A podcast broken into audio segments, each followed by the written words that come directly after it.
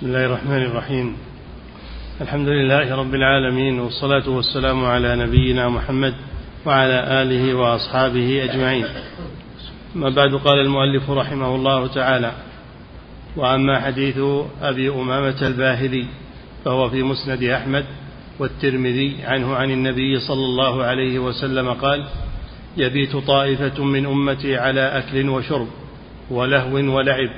ثم يصبحون قردة وخنازير ويبعث على أحياء من أحيائهم ريح فينسفهم كما نسف من كان قبلكم باستحلالهم الخمر وضربهم بالدفوف واتخاذهم القينات. بسم الله الرحمن الرحيم. الحمد لله الصلاة والسلام على رسول الله. وهذا من الوعيد الذي يحصل لمن يفعل هذه الأمور. يستحل الخمر ويشربها ويسميها بغير اسمها.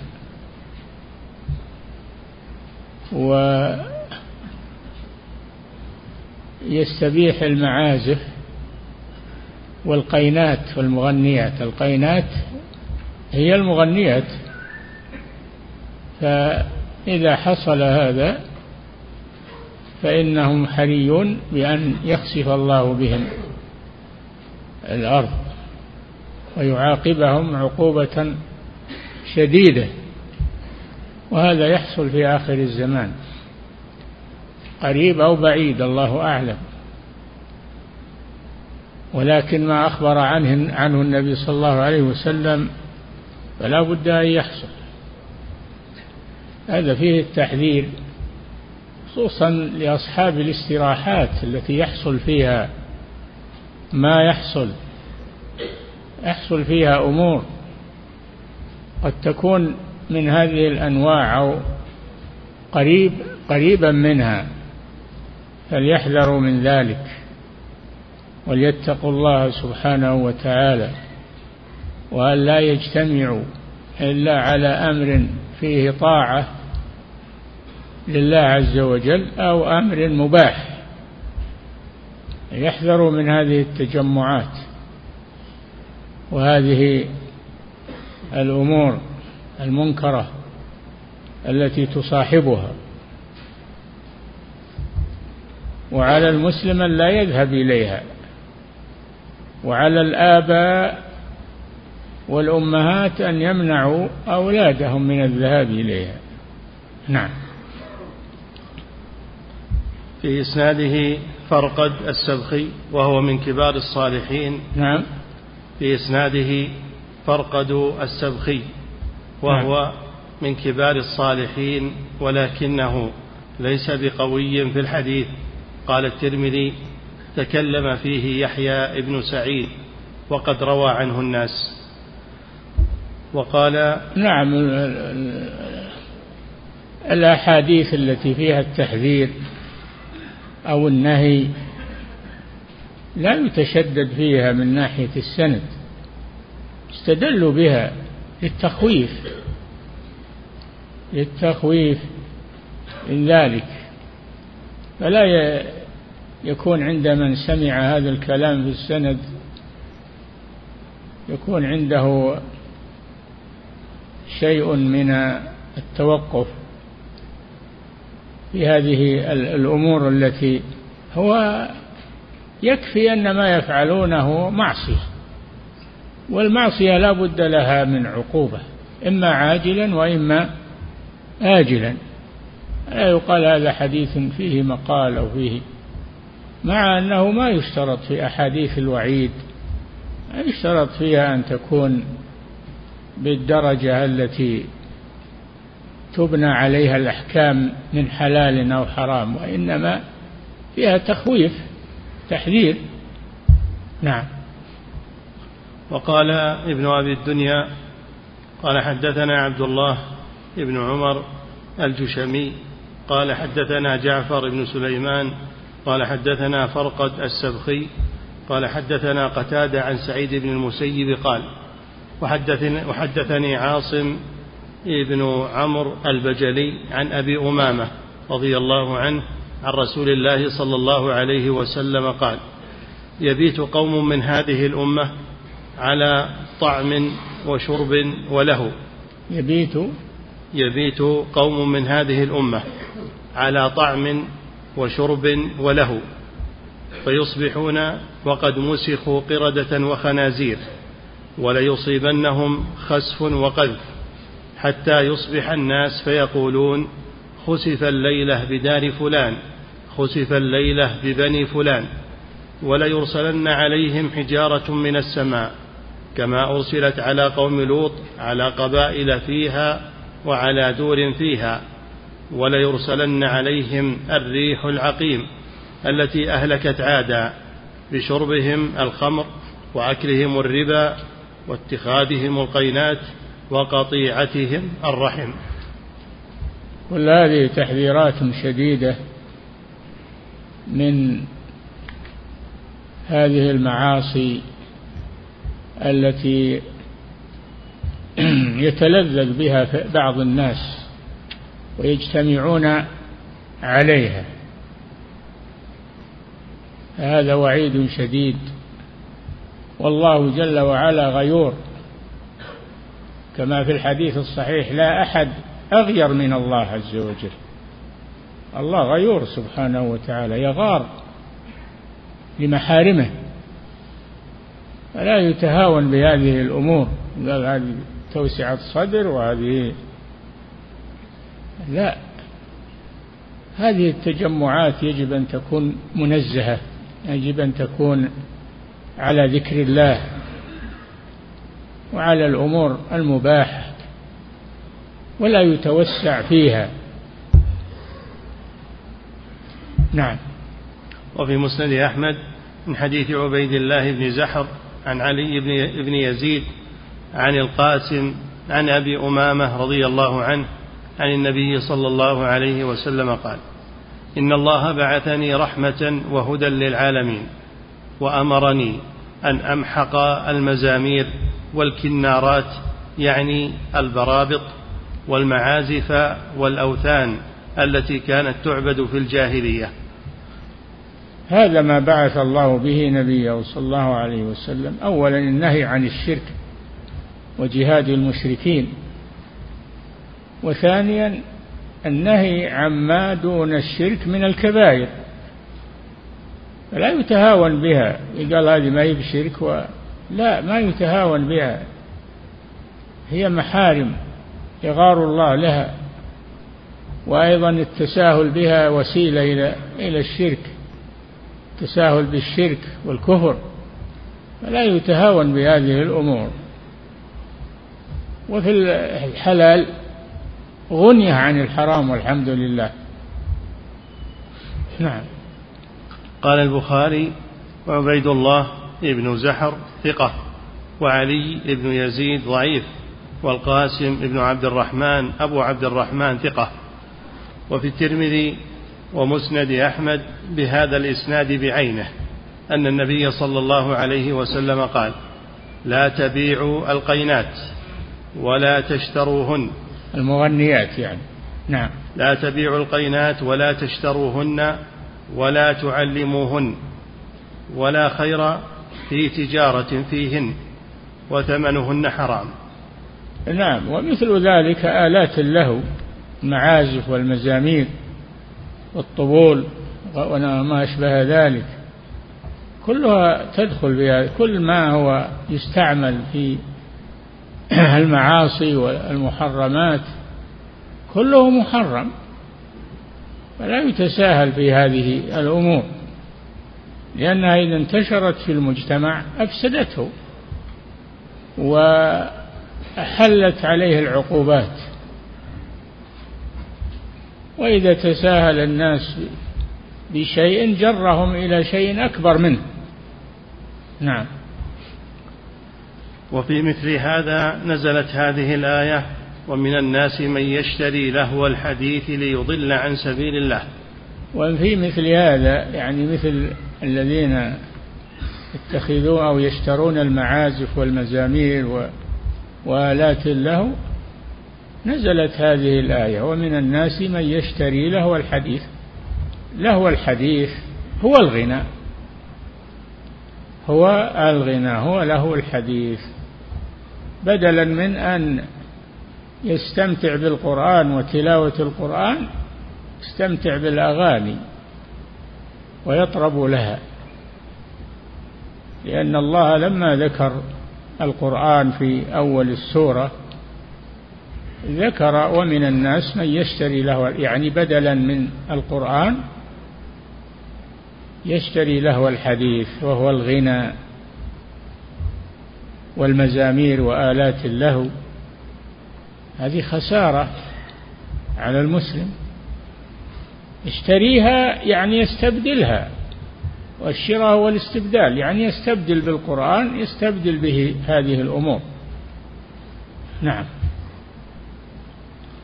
وأما حديث عائشة رضي الله عنها فقال ابن أبي الدنيا حدثنا الحسن ابن محبوب قال حدثنا أبو النضر هاشم بن القاسم قال حدثنا أبو معشر عن محمد بن المنكدر عن عائشة رضي الله تعالى عنها قالت قال رسول الله صلى الله عليه وسلم يكون في أمتي خسف ومسخ وقذف. في آخر الزمان خسف ومسخ خسف يعني بالأرض تخسف بهم الأرض نعم. ومسخ يعني يمسخون إلى قردة وخنازير تحول صورهم إلى صور قردة وخنازير كما حصل في بني إسرائيل نعم. خسف ومسخ وقذف. وقذف قتل. قذف بال... قذف نعم. يعني يقذفون بالحجارة وب... نعم. قالت عائشة يا رسول الله. وهم يقولون لا إله إلا الله. فقال إذا ظهرت القينات وظهر الزنا وشربت الخمر ولبس الحرير كان ذا عند ذا. أي نعم. وإن كانوا يقولون لا إله إلا الله إذا ظهرت هذه الأمور حصلت العقوبة. وإن كانوا يقولون لا إله إلا الله لأن لا إله إلا الله ليست مجرد لفظ يقال باللسان لها معنى ولها مقتضى فيلتزم بذلك إذا قالها يلتزم بما تدل عليه. نعم. وقال ابن أبي الدنيا أيضا حدثنا محمد بن ناصح قال حدثنا بقية بن الوليد عن يزيد بن عبد نعم. الله وقال ابن أبي الدنيا أيضا حدثنا محمد بن ناصح قال حدثنا بقية بن الوليد نعم عن يزيد بن عبد الله الجهني قال حدثني أبو العلاء عن أنس بن مالك رضي الله عنه أنه دخل على عائشة رضي الله عنها ورجل معه فقال لها الرجل يا أم المؤمنين حدثينا عن الزلزلة فقالت إذا استباحوا الزنا وشربوا الخمر. حدثينا عن الزلزلة يعني متى تحصل في هذه الأمة؟ زلزلة الأرض بهم. نعم. حدثينا عن الزلزلة فقالت إذا استباحوا الزنا وشربوا الخمر وضربوا بالمعازف غار الله في سمائه. فقال تزلزلي بهم. فإن تابوا وفزعوا وإلا هدمتها عليهم. قال قلت يا أم المؤمنين أعذاب لهم؟ قالت بل موعظة ورحمة وبركة للمؤمنين ونكال وعذاب وسخط على الكافرين. نعم فالله ينزل العقوبات رحمة بالمؤمنين من أجل أن يتوبوا وعقوبة للكافرين وليمحص الله الذين آمنوا ويمحق الكافرين نعم قال أنس رضي الله عنه ما سمعت حديثا بعد رسول الله صلى الله عليه وسلم أنا أشد به فرحا مني بهذا الحديث وأما نعم. وأما حديث علي فقال ابن أبي الدنيا أيضا حدثنا الربيع بن تغلب قال حدثنا فرج بن فضالة عن يحيى بن سعيد عن محمد بن علي عن علي رضي الله عنه قال قال رسول الله صلى الله عليه وسلم إذا عملت أمتي خمس عشرة خصلة حل بها البلاء قيل يا رسول الله وما هن قال إذا كان المغنم دولا إذا كان المغنم دولا يعني يعطى لبعض الناس ويحرم المستحقون. يحرم المستحقون له. واعلموا أن ما غنمتم من شيء فلله وللرسول ولذي القربى واليتامى والمساكين وابن السبيل. إن كنتم آمنتم بالله واليوم الآخر. فالمغنم يكون لمصالح المسلمين وللمستحقين. ولا يجعل دولا لمن لا يستحقه لكي لا يكون دولة بين الأغنياء منكم. نعم. والأمانة مغنما. والأمانة مغنما إذا اتخذت الأمانة مغنما. يفرح الإنسان بالودائع اللي تودع عنده لأجل أن يستعملها ولأجل أن يستهلكها. ويتهاون فيها مع أن الأمانة قال صلى الله عليه وسلم أد الأمانة إلى من ائتمنك ولا تخن من خانك إن الله يأمركم أن تؤدوا الأمانات إلى أهلها. بعض الناس يفرح بالودائع والأمانات من أجل أن يتوسع بها ويستهلكها ويقول بعدين أسدد لهم وأعطيهم أو ما أشبه ذلك. لا ما يجوز هذا. إما أن تحفظها تمام الحفظ وإما أن لا تقبلها. نعم. والزكاة مغرما. الزكاة مغرما.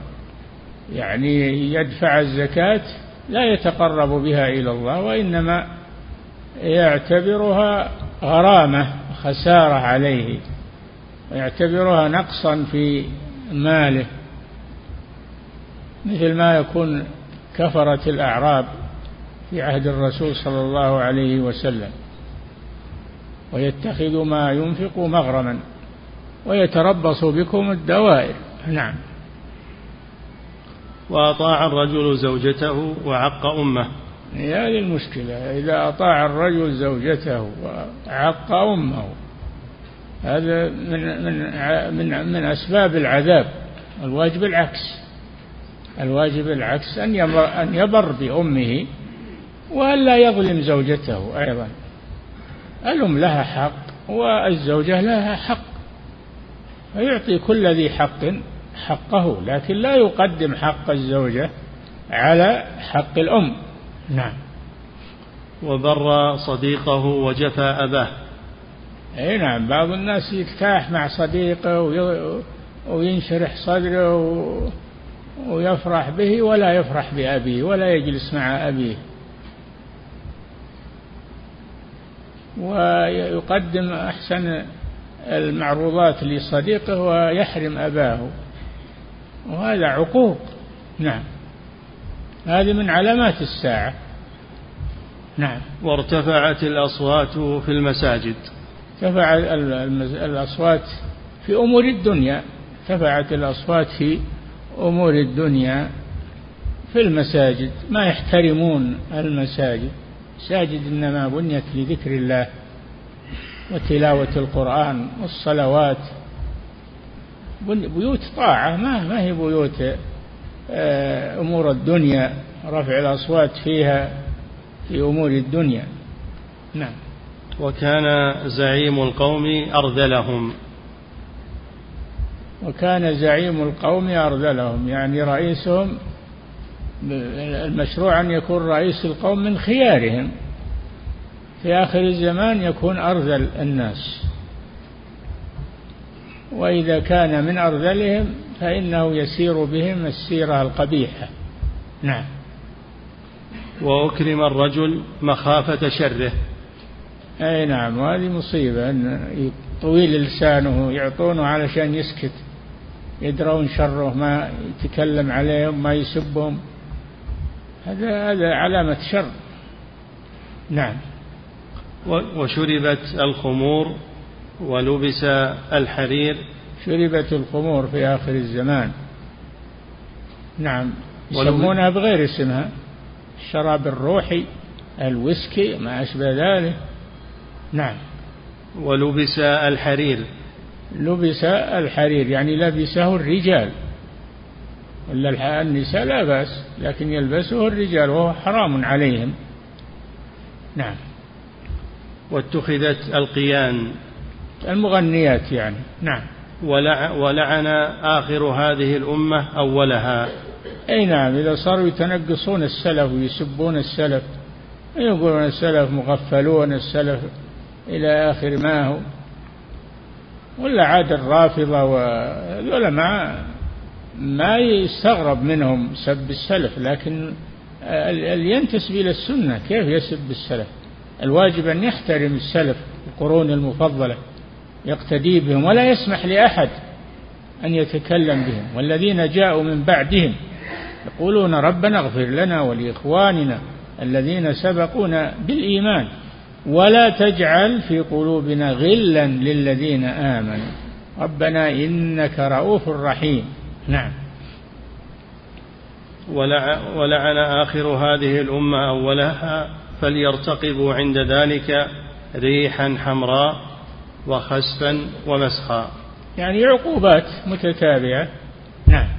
حدثنا عبد الجبار بن عاصم أبو طالب قال حدثنا إسماعيل بن عياش عن عبد الرحمن التميمي عن عباد بن أبي علي عن علي رضي الله عنه عن النبي صلى الله عليه وسلم أنه قال تمسخ طائفة من أمتي قردة وطائفة خنازير ويخسف بطائفة ويرسل على طائفة الريح العقيم لأنهم شربوا الخمر ولبسوا الحرير واتخذوا القيان وضربوا بالدفوف. يعني إي نعم. إذا ظهرت, إذا ظهرت هذه المعاصي ولم تنكر إذا ظهرت هذه المعاصي ولم تنكر فليترقبوا هذه العقوبات من الله سبحانه وتعالى. الله ليس بغافل عما تعملون. فإذا ظهرت هذه الأمور الأمور هذه قد تحصل لكن تنكر وتمنع ويكون هناك رجال حسبة يتفقدون هذه الأمور ويمنعونها. الآن بعض الناس يتهكم برجال الحسبة ويفرح إذا أصابهم شيء وهذه علامة النفاق وعلامة ضعف الإيمان أو عدم الإيمان. رجال الحسبة هم الذين آه، يمنع الله بهم الهلاك عن هذه الأمة. الله جل وعلا يقول فلما عتوا عما نهوا عنه آه، فلما فلما عتوا عما نهوا عنه أنجينا الذين ينهون عن السوء وهم رجال الحسبة. أنجينا الذين ينهون عن السوء وأخذنا الذين ظلموا بعذاب بئيس بما كانوا يفسقون. نعم. أنجينا الذين ينهون عن السوء. رجال الحسبة ومن ساعدهم. الواجب مساعدتهم والواجب الوقوف معهم والواجب الدفاع عنهم لأن الله يدرأ بهم عنا العقوبات الشديدة نعم. وأما حديث أنس رضي الله عنه فقال ابن أبي الدنيا حدثنا أبو عمرو هارون ابن عمر القرشي قال حدثنا الخصيب بن كثير عن أبي بكر الهذلي عن قتادة عن أنس رضي الله عنه قال قال رسول الله صلى الله عليه وسلم ليكونن في هذه الأمة خسف وقذف ومسخ وذاك إذا شربوا الخمور واتخذوا القينات وضربوا بالمعازف. قال وأنبانا أبو إسحاق الأزدي. وهذا وهذا يعني يذكرون أنه يحصل في بعض الفنادق ولا بعض التجمعات يحصل فيها شيء من هذا. يحصل فيها شيء من هذا. فيجب تفقد هذه الأمور لئلا يحصل على الأمة كلها هذه العقوبات بسبب هؤلاء. نعم. قال وأنبأنا أبو إسحاق الأزدي قال حدثنا إسماعيل بن أبي أويس قال حدثني عبد الرحمن بن زيد بن أسلم عن أحد ولد أنس بن مالك وعن غيره عن أنس بن مالك رضي الله عنه قال قال رسول الله صلى الله عليه وسلم ليبيتن رجال على أكل وشرب وعزف فيصبحون على أرائكهم ممسوخين قردة وخنازير. كما حصل للأمم السابقة أمسخهم الله يحول صورهم من صور آدميين إلى صور قردة وخنازير عقوبة لهم وزجرا لغيرهم. وليس هذا ببعيد. الله على كل شيء قدير. نعم. وأما حديث عبد الرحمن بن سابق فقال ابن أبي الدنيا حدثنا إسحاق بن إسماعيل قال حدثنا جرير عن إبان بن تغلب عن عمرو بن مرة عن عبد الرحمن بن سابط قال قال رسول الله صلى الله عليه وسلم يكون في أمتي خسف وقذف ومسخ. قالوا فمتى ذاك يا رسول الله؟ قال إذا أظهروا المعازف واستحلوا الخمور. نعم. وأما حديث الغازي ابن ربيع إذا إذا أظهروا المعازف واستحلوا الخمور. إذا أظهروا المعازف آلات اللهو استحلوا الخمور يحصل لهم هذه العقوبات. وهذا تحذير من الرسول صلى الله عليه وسلم لأمته لتأخذ حذرها ولتأخذ على أيدي السفهاء الذين يعملون هذه الأعمال بل يؤخذ على أيديهم. يؤخذ على أيديهم لمصلحتهم ولمصلحة المجتمع. الأخذ على أيديهم هذا إنقاذ لهم من الهلاك. إنقاذ لهم قبل غيرهم من الهلاك.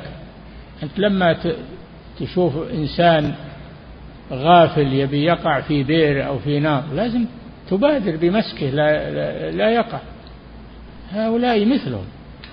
الذين يقدمون على هذه الجرائم مثل من يريد أن يقع في البير أو يقع في النار الموقدة أو ما أشبه أو شيء من المهلكات لازم يؤخذ على يده لمصلحته. نعم. وأما حديث الغازي ابن ربيعة فقال ابن أبي الدنيا حدثنا عبد الجبار بن عاصم قال حدثنا إسماعيل بن عياش عن عبيد الله بن عبيد عن أبي العباس الهمداني عن عمارة بن راشد عن الغازي بن ربيعة. رفع الحديث قال ليمسخن قوم ليمسخن قوم وهم على أريكتهم قردة وخنازير بشربهم الخمر وضربهم بالبرابط والقيان. وهم على أريكتهم يعني مجالسهم كراسيهم كنباتهم جالسين ويضرب يشرب الخمر وتضرب الآلات اللهو عندهم يسمونه الكيف والانبساط مجالس شر تجمعات شر. تحصل العقوبة عند ذلك. ولا تقتصر العقوبة عليهم بل تأخذ آه، من حولهم. ولا حول ولا قوة إلا بالله. نعم.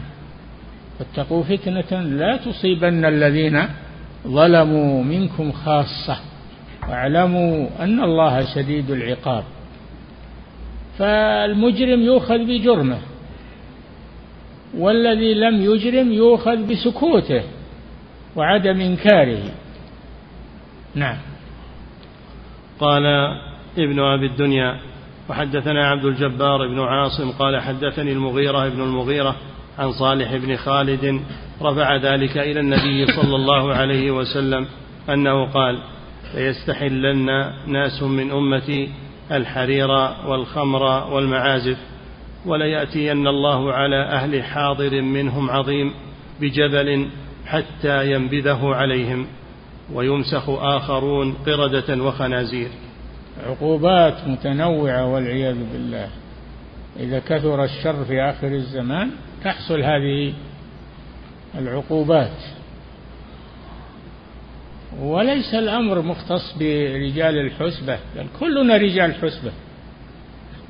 كل من رأى منكم منكرا فليغيره بيده. هذا لرجال الحسبة. فإن لم يستطع فبلسانه. هذا للعلماء ولطلبة العلم ولأصحاب الغيرة. ينكرون بألسنتهم ينصحون يذكرون يذكرون الناس يحذرونهم بألسنتهم. وهذا متيسر الكلام باللسان متيسر والحمد لله. نصيحة ما حد يمنعك لا تنصح. ما حد يمنعك لا تنصح الناس. إذا رأوا الأفراد إذا رأيت شيء ما حد يمنع فإن لم يستطع فبقلبه إذا منعت من هذا أيضا فلا بد أن تنكر المنكر بقلبك. ما هو معنى تنكر المنكر وتجلس معهم وتقول أنا أكره هذا. لا تعتزل. إذا أنكرت بقلبك تعتزل هذه التجمعات وهذه الأشياء. إذا كنت لا تقدر أن تنكرها لا باليد ولا باللسان اعتزلها وابتعد عنها. لا تقعد معهم وتقول أنا أكرهها وأنا أنكرها بقلبي. نعم.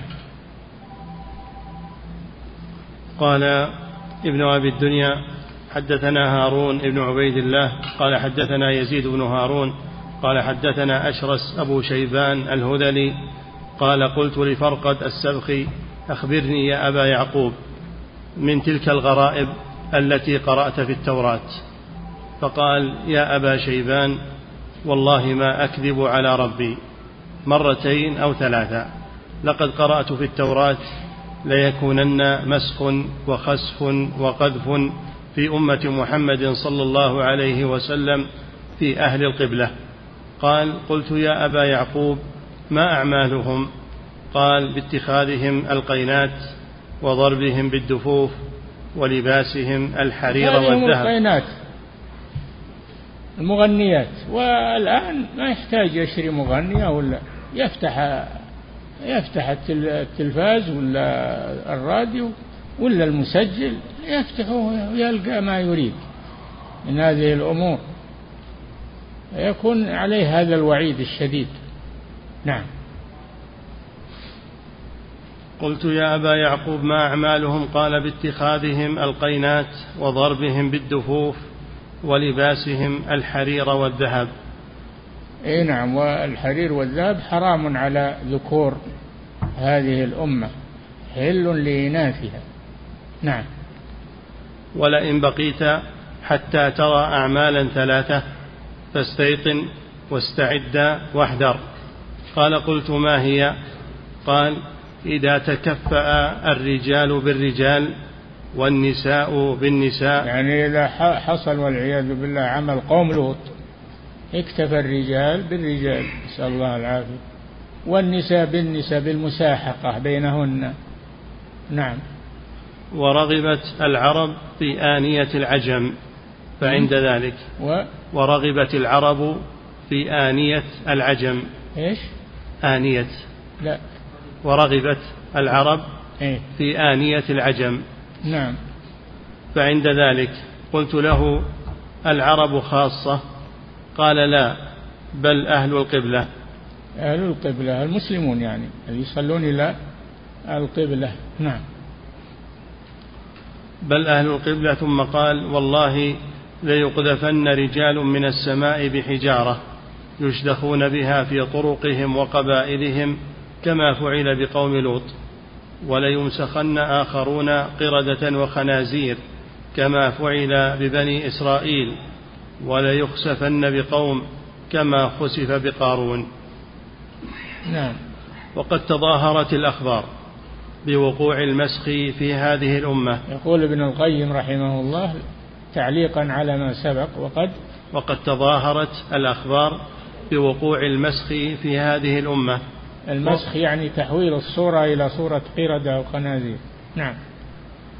وقد تظاهرت الأخبار بوقوع المسخ في هذه الأمة وهو مقيد في أكثر الأحاديث بأصحاب الغناء. وشارب نعم أصحاب الغناء أكثر من يمسخ قردة وخنازير. نعم.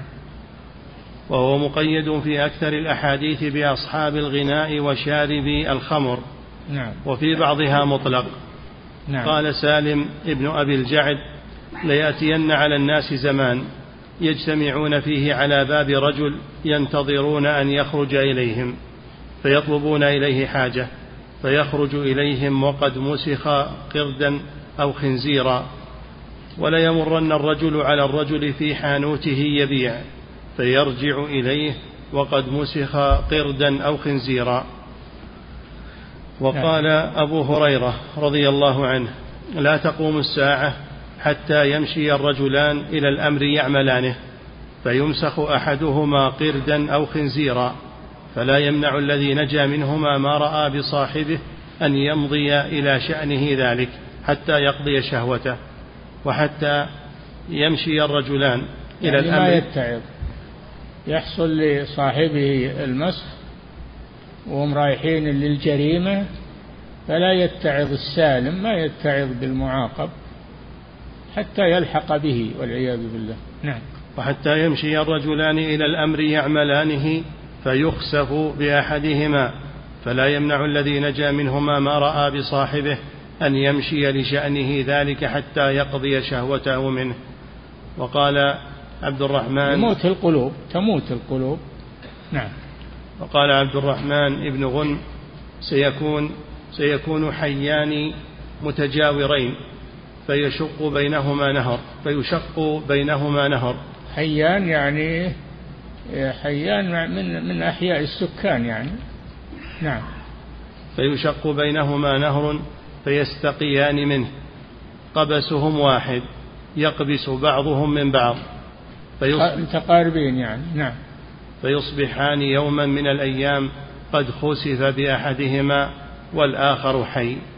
نعم. وقال عبد الرحمن بن غنم أيضا يوشك أن يقعد اثنان على رحى يطحنان فيمسخ أحدهما والآخر ينظر. والآخر ينظر. ينظر إليه نعم. وقال مالك بن دينار بلغني أن ريحا تكون في آخر الزمان وظلم فيفزع الناس إلى علمائهم فيجدونهم قد مسخوا. لأنهم لا ينهونهم. يفزعون إلى العلماء ويجدونهم قد مسخوا لأنهم لم ينهوا ويبينوا للناس ويحذروهم. نعم. وقال مالك بن دينار بلغني أن ريحا تكون في آخر الزمان وظلم فيفزع الناس إلى علمائهم فيجدونهم قد مسخوا. قال بعض أهل العلم إذا اتصف القلب بالمكر والخديعة والفسق وانصبغ بذلك صبغا تاما صار صاحبه على خلق الحيوان الموصوف بذلك من القردة والخنازير وغيرهما. ثم لا يزال يتزايد ذلك الوصف فيه حتى قد, تمسخ صورته وقد يمسخ قلبه. صورته تبقى لكن يمسخ قلبه والعياذ بالله. نعم. ثم لا يزال يتزايد ذلك الوصف فيه حتى يبدو على صفحات وجهه. بدوا خفيا ثم يقوى ويتزايد حتى يصير ظاهرا على الوجه ثم يقوى حتى يقلب الصورة الظاهرة كما قلب الهيئة الباطنة. ومن له فراسة تامة يرى على صور الناس مسخا من صور الحيوانات التي تخلقوا بأخلاقها في الباطن فقل المسخ قد يكون جزئي وقد يكون كلي. قد يكون آه، يمسخ صورة الوجه صورة يعني بعض الجسم. ولا يفطن لهذا. ولذلك تجد وجوه أصحاب المعاصي تجدها مختلفة عن أهل العلم وأهل التقى والعمل الصالح. تجد صورهم مختلفة تماما ممسوخة آه، ظاهرها. وإن بقيت أجسامهم يظهر المسخ على الوجه. يظهر المسخ على الوجه. نعم. ومن له فراسة تامة يرى على صور الناس مسخا من صور الحيوانات التي تخلقوا بأخلاقها في الباطن فقل أن ترى مختالا مكارا مخادعا ختارا إلا, إلا وعلى وجهه مسخة قرد. اي نعم. يكون وجهه يتغير وجهه. يتغير وجهه إلى مسخ خفي. لا يفطن له إلا صاحب النظر الدقيق. لذلك تتغير وجوه المجرمين والعصاة. تتغير. غيرا ظاهرا. نعم هذا نوع من المسخ. نعم. وقل أن ترى رافضيا إلا وعلى وجهه مسخة خنزير. إيه نعم الروافض خصوصا يمسخون والعياذ بالله مسخا جزئيا. تغير وجوههم تصير وجوه وجوههم ممسوخة عن أصلها وعن آدميتها. نعم. وقل أن ترى شرها نهما نفسه نفس كلبية. إلا وعلى وجهه مسخة كلب. نعم. فالظاهر مرتبط بالباطن أتم ارتباط. نعم من أسر سريرة أظهرها الله على صفحات وجهه وفلتات لسانه. نعم. فالظاهر مرتبط بالباطن أتم ارتباط فإذا استحكمت الصفات المذمومة في النفس قويت على قلب الصورة الظاهرة. ولهذا خوف النبي صلى الله عليه وسلم من سابق الإمام في الصلاة بأن يجعل الله صورته صورة حمار لمشابهته للحمار في الباطن فإنه لم يستفد بمسابقة الإمام إلا فساد صلاته وبطلان أجره. نعم فهو مثل الحمار يحمل أسفارا وهو ما ينتفع بها. نعم. فإنه لم يستفد بمسابقة الإمام إلا فساد صلاته وبطلان أجره فإنه لا يسلم قبله فهو شبيه بالحمار في البلادة وعدم الفطنة. نعم. إذا عرف هذا فأحق الناس بالمسخ. هؤلاء الذين ذكروا في هذه الأحاديث فهم نعم. فهم أسرع الناس مسخا قردة وخنازير لمشابهتهم لهم في الباطن. وعقوبات الرب سبحانه وتعالى نعوذ بالله منها جارية على وفق حكمته وعدله. نعم. وقد ذكرنا شبه المغنين والمفتونين بالسمع نقف عند هذا. نعم.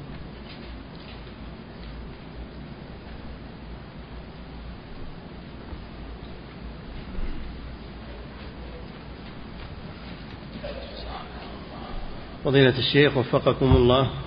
هذا سائل يقول هل يجوز أن نقول عن أحد قراء القرآن المتقنين إنه قد أوتي مزمارا من مزامير آل داود؟ لا هذا قاله الرسول صلى الله عليه وسلم لأبي موسى الأشعري بحسن صوته. نحن لا نشهد لأحد ولا نوصفه بنبي من الأنبياء. هذا للرسول صلى الله عليه وسلم. نعم. لكن نقول صوته حسن صوته طيب لا بأس. نعم. فضيلة الشيخ وفقكم الله هذا سائل يقول أسكن في أحد الأحياء ويمر من عند بيتي يمر شباب على سيارتهم سياراتهم يرفعون صوت المسجل بالأغاني على مدار اليوم. يقول وأنا جالس في بيتي وأسمع ذلك. يقول كيف تبرأ ذمتي في هذا الأمر وكيف التصرف معهم؟ اتصل على رجال الحسبة اللي حولك في مراكز للحسبة. اتصل على أقرب مركز إليك وبلغ عن هذا راعي السيارة اللي تكرر من هذا الشيء ليترصدوا له ويأخذوا على يده. نعم. فضيلة الشيخ وفقكم الله هذا سائل يقول متى يعمل بالحديث الضعيف؟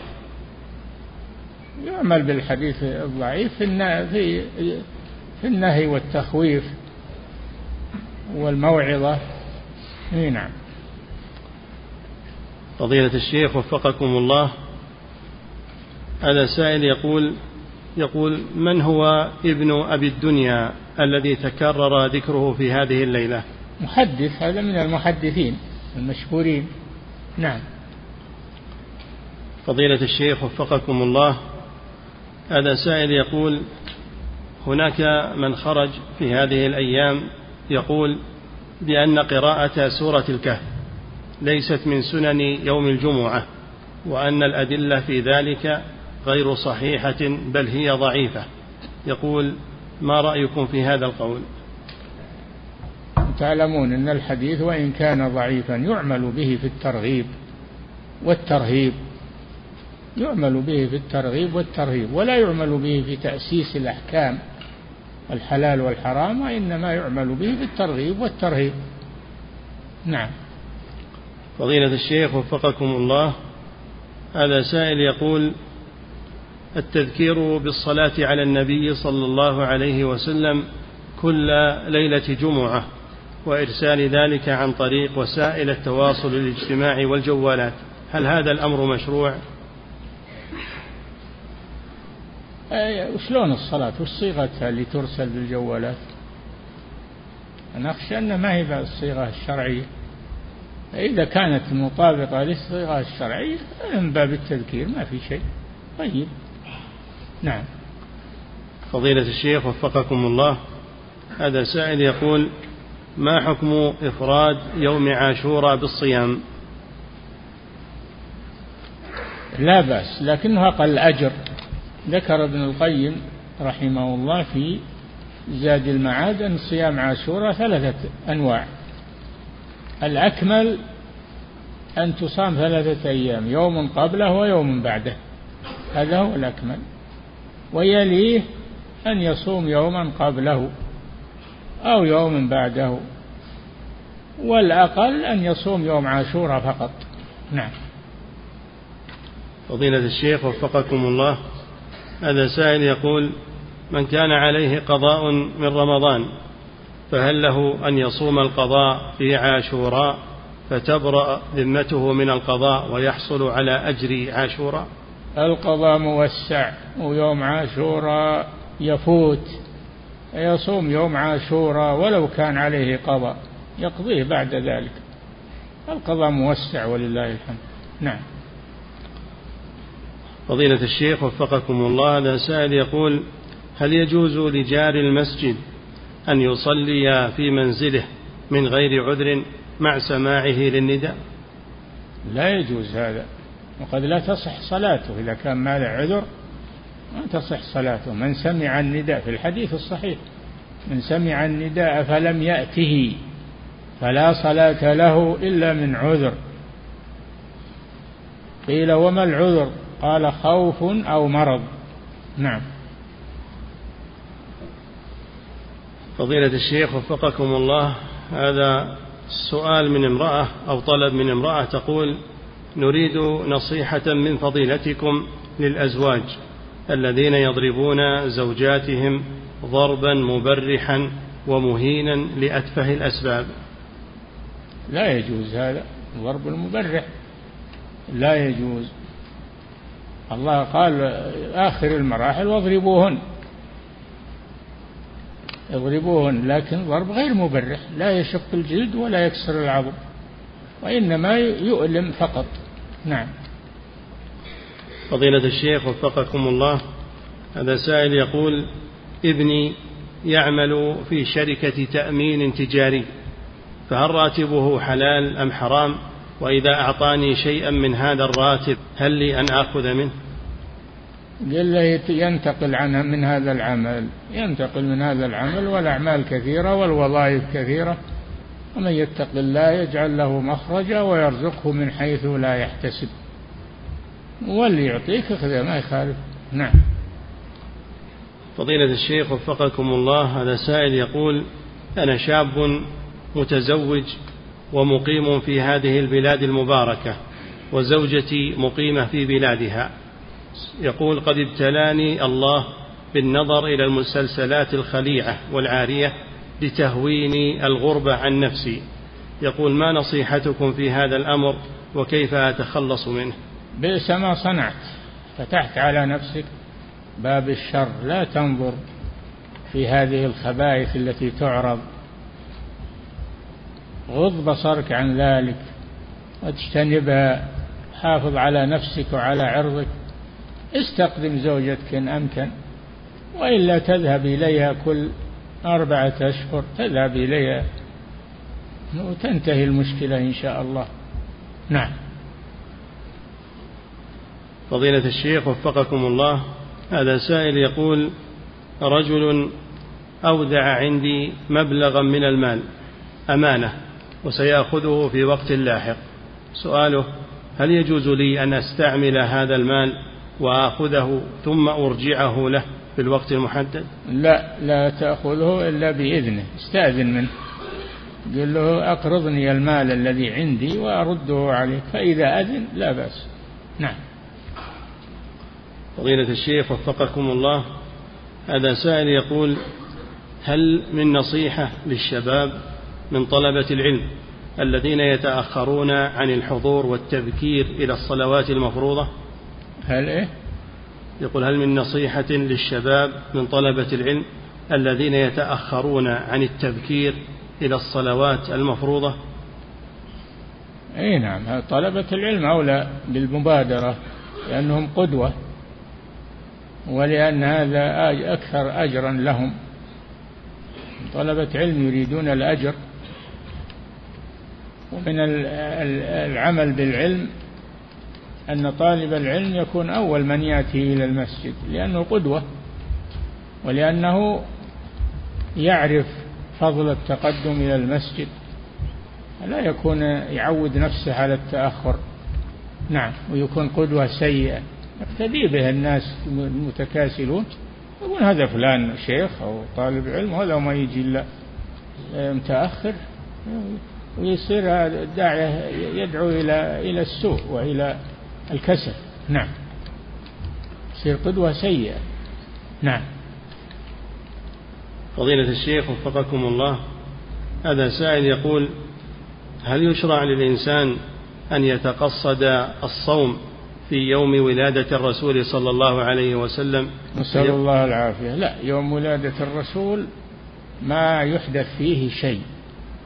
ما فعله الرسول صلى الله عليه وسلم ولا خلفاءه الراشدون ولا أحد من أهل العلم الموثوقين يعمل بمناسبة ولادة الرسول صلى الله عليه وسلم إنما البعثة.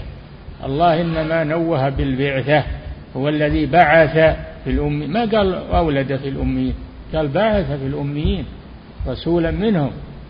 الله ذكر بالبعثة ولم يذكر بالمولد كل يولد الرسول وغير الرسول. لكن البعثة خاصة بالرسول صلى الله عليه وسلم. نعم.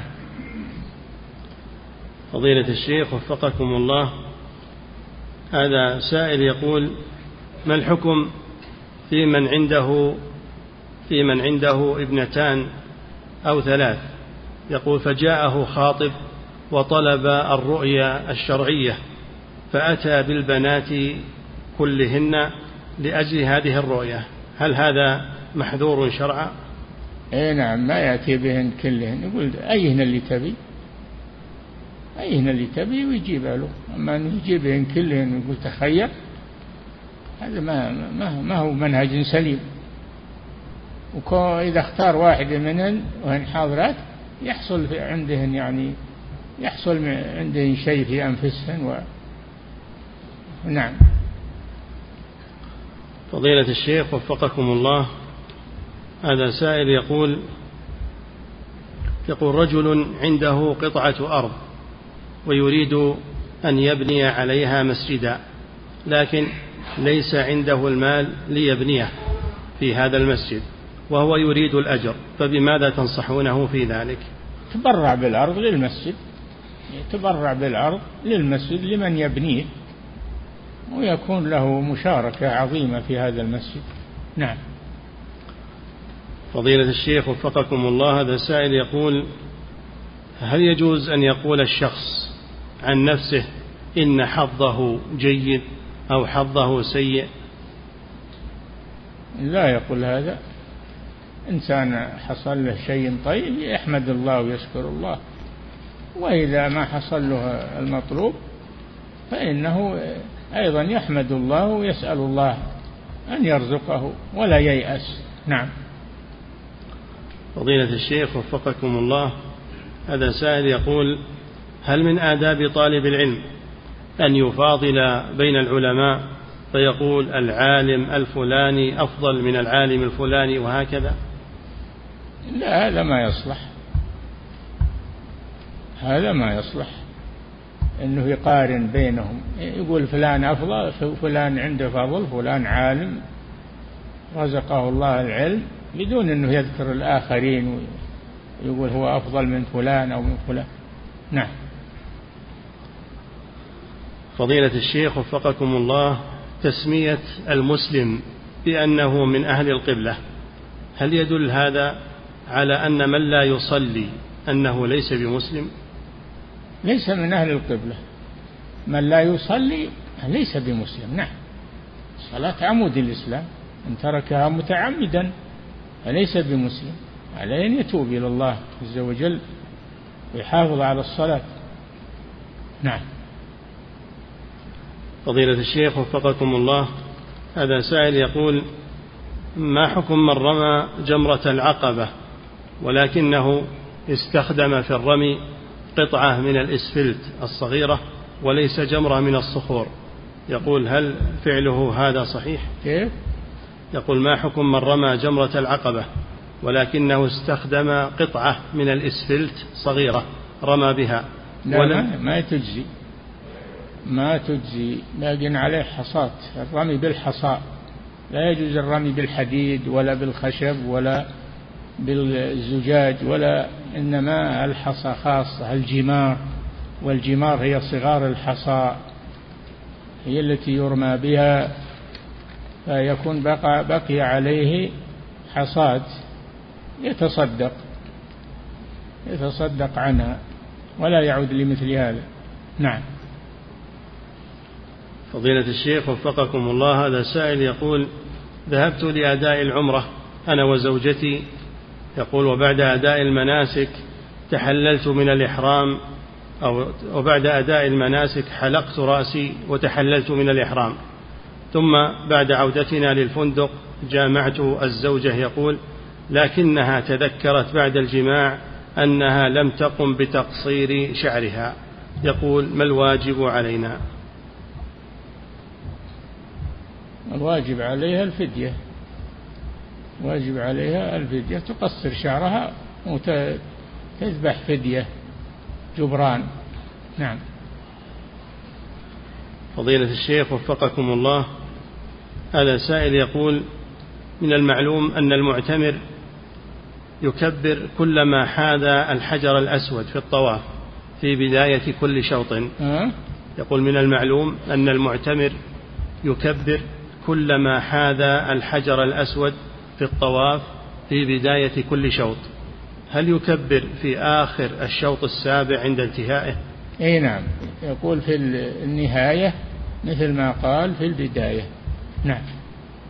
يكبر ويشير إلى الحجر ويخرج من المطاف خلاص. نعم. يختم بمثل ما بدأ. نعم. فضيلة الشيخ وفقكم الله.